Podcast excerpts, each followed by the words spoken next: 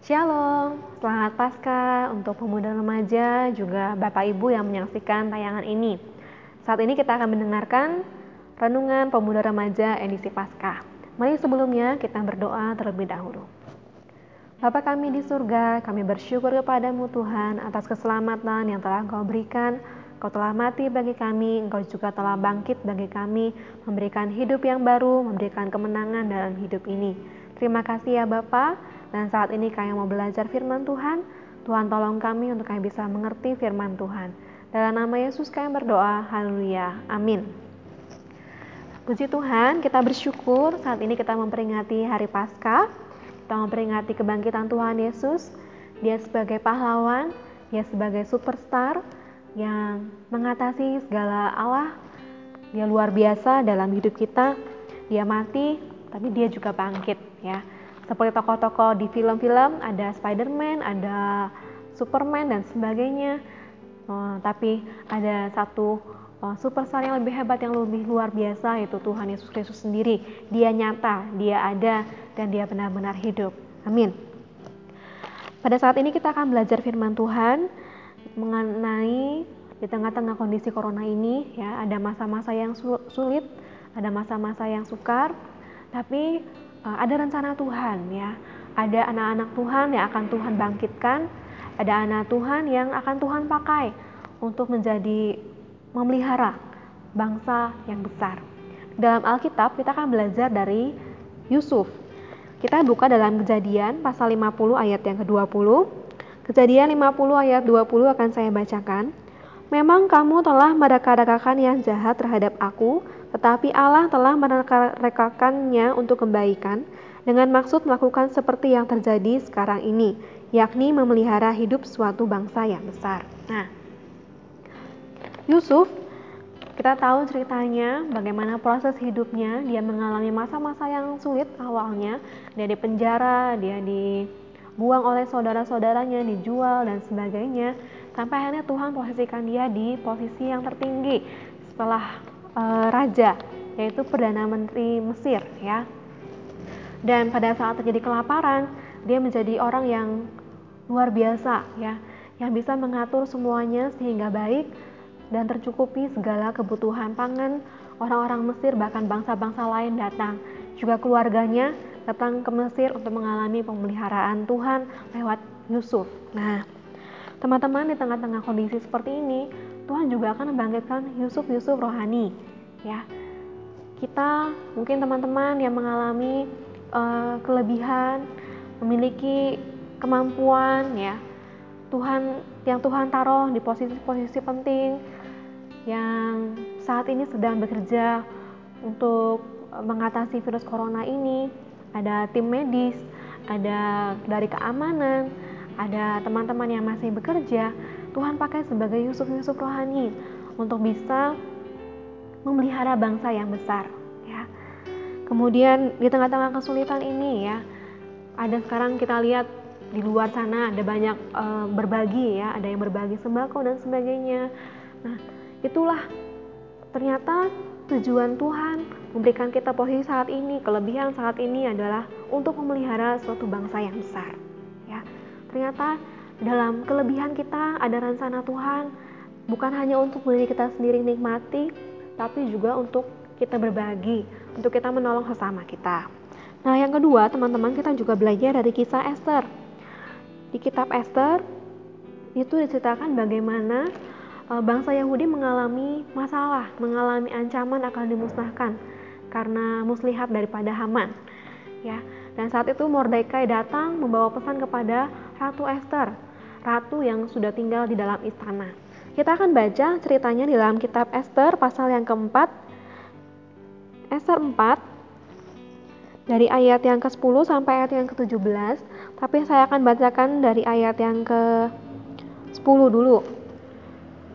Akan tetapi, Esther menyuruh Hatta memberitahukan kepada Mordekai semua pegawai raja serta penduduk daerah-daerah kerajaan mengetahui bahwa bagi setiap laki-laki atau perempuan yang menghadap raja di pelataran dalam dengan tiada dipanggil, hanya berlaku satu undang-undang, yakni hukuman mati.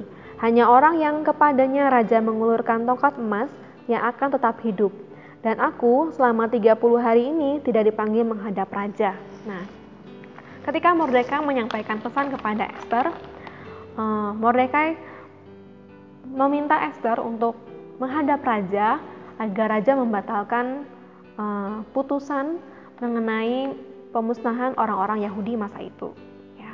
Tapi kemudian Esther menjawab kepada Mordekai, e, kalau misalnya saya ini datang tanpa diundang raja, saya ini bisa mati loh.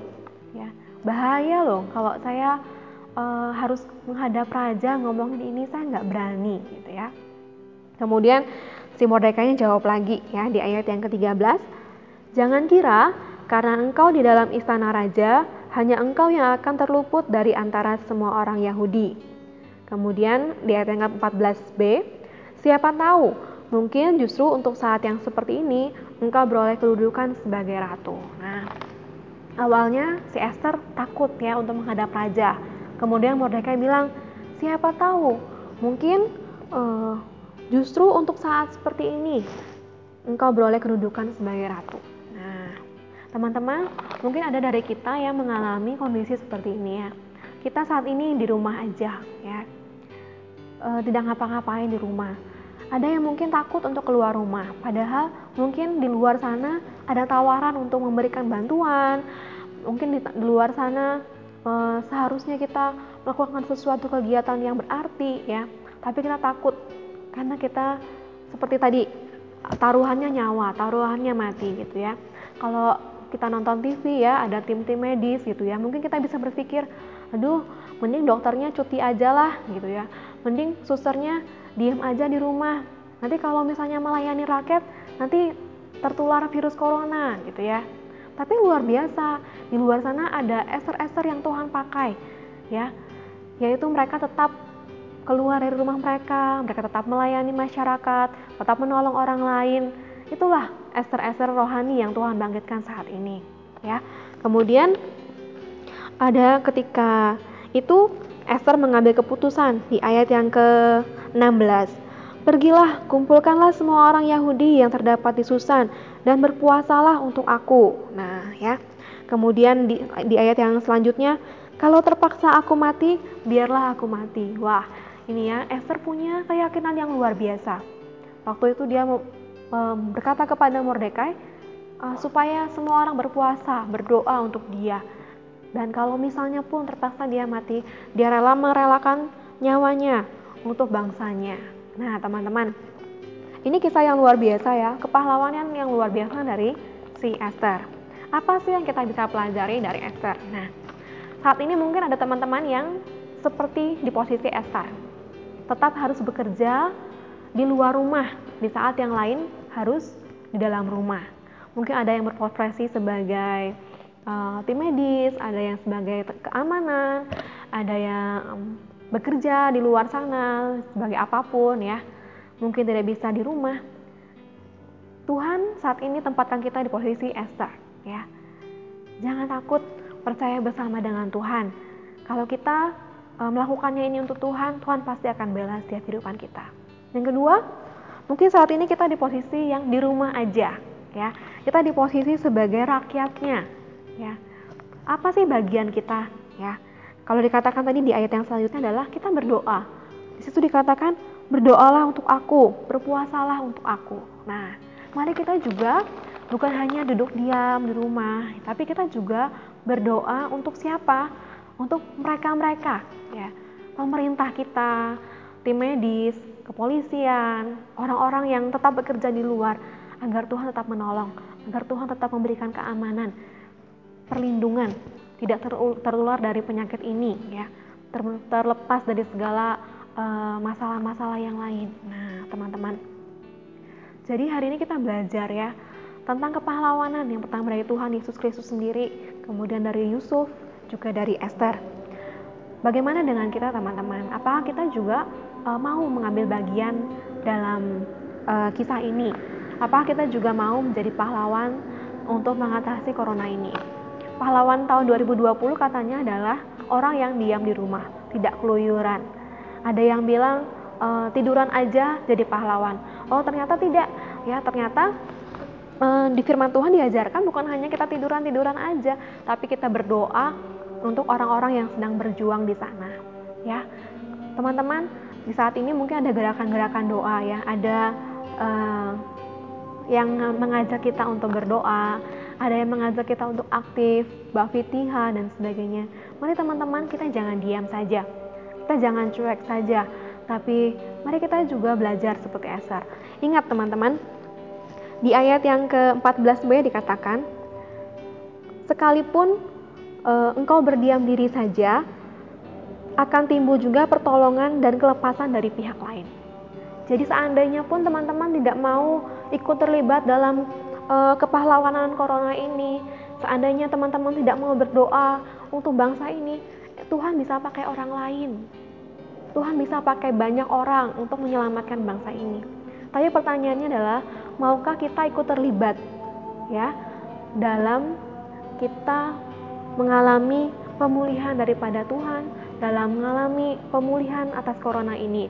Mari ambil bagian untuk kita berdoa, untuk kita berpuasa, untuk kita melakukan bagian kita, dan Tuhan pasti akan memulihkan bangsa kita. Amin buat firman Tuhan, mari kita berdoa. Bapak kami bersyukur untuk firman Tuhan saat hari ini. Ajar kami ya Tuhan untuk mengerti maksud dari firman Tuhan, ajar kami untuk kami bisa memahaminya dan melakukannya dalam hidup kami sendiri. Terima kasih, kami bersyukur dan kami berdoa untuk para Esther di luar sana yang masih bekerja. Tuhan menyertai, Tuhan melindungi mereka. Dan jadikanlah kami Tuhan, Yusuf-Yusuf rohani, Esther-Esther rohani, pendoa-pendoa rohani Tuhan yang siap Tuhan melayani pekerjaanmu di mana pun kami berada. Dalam nama Yesus kami bersyukur dan berdoa. Haleluya. Amin. Terima kasih teman-teman. Tuhan Yesus memberkati. Selamat hari Minggu, selamat hari Paskah.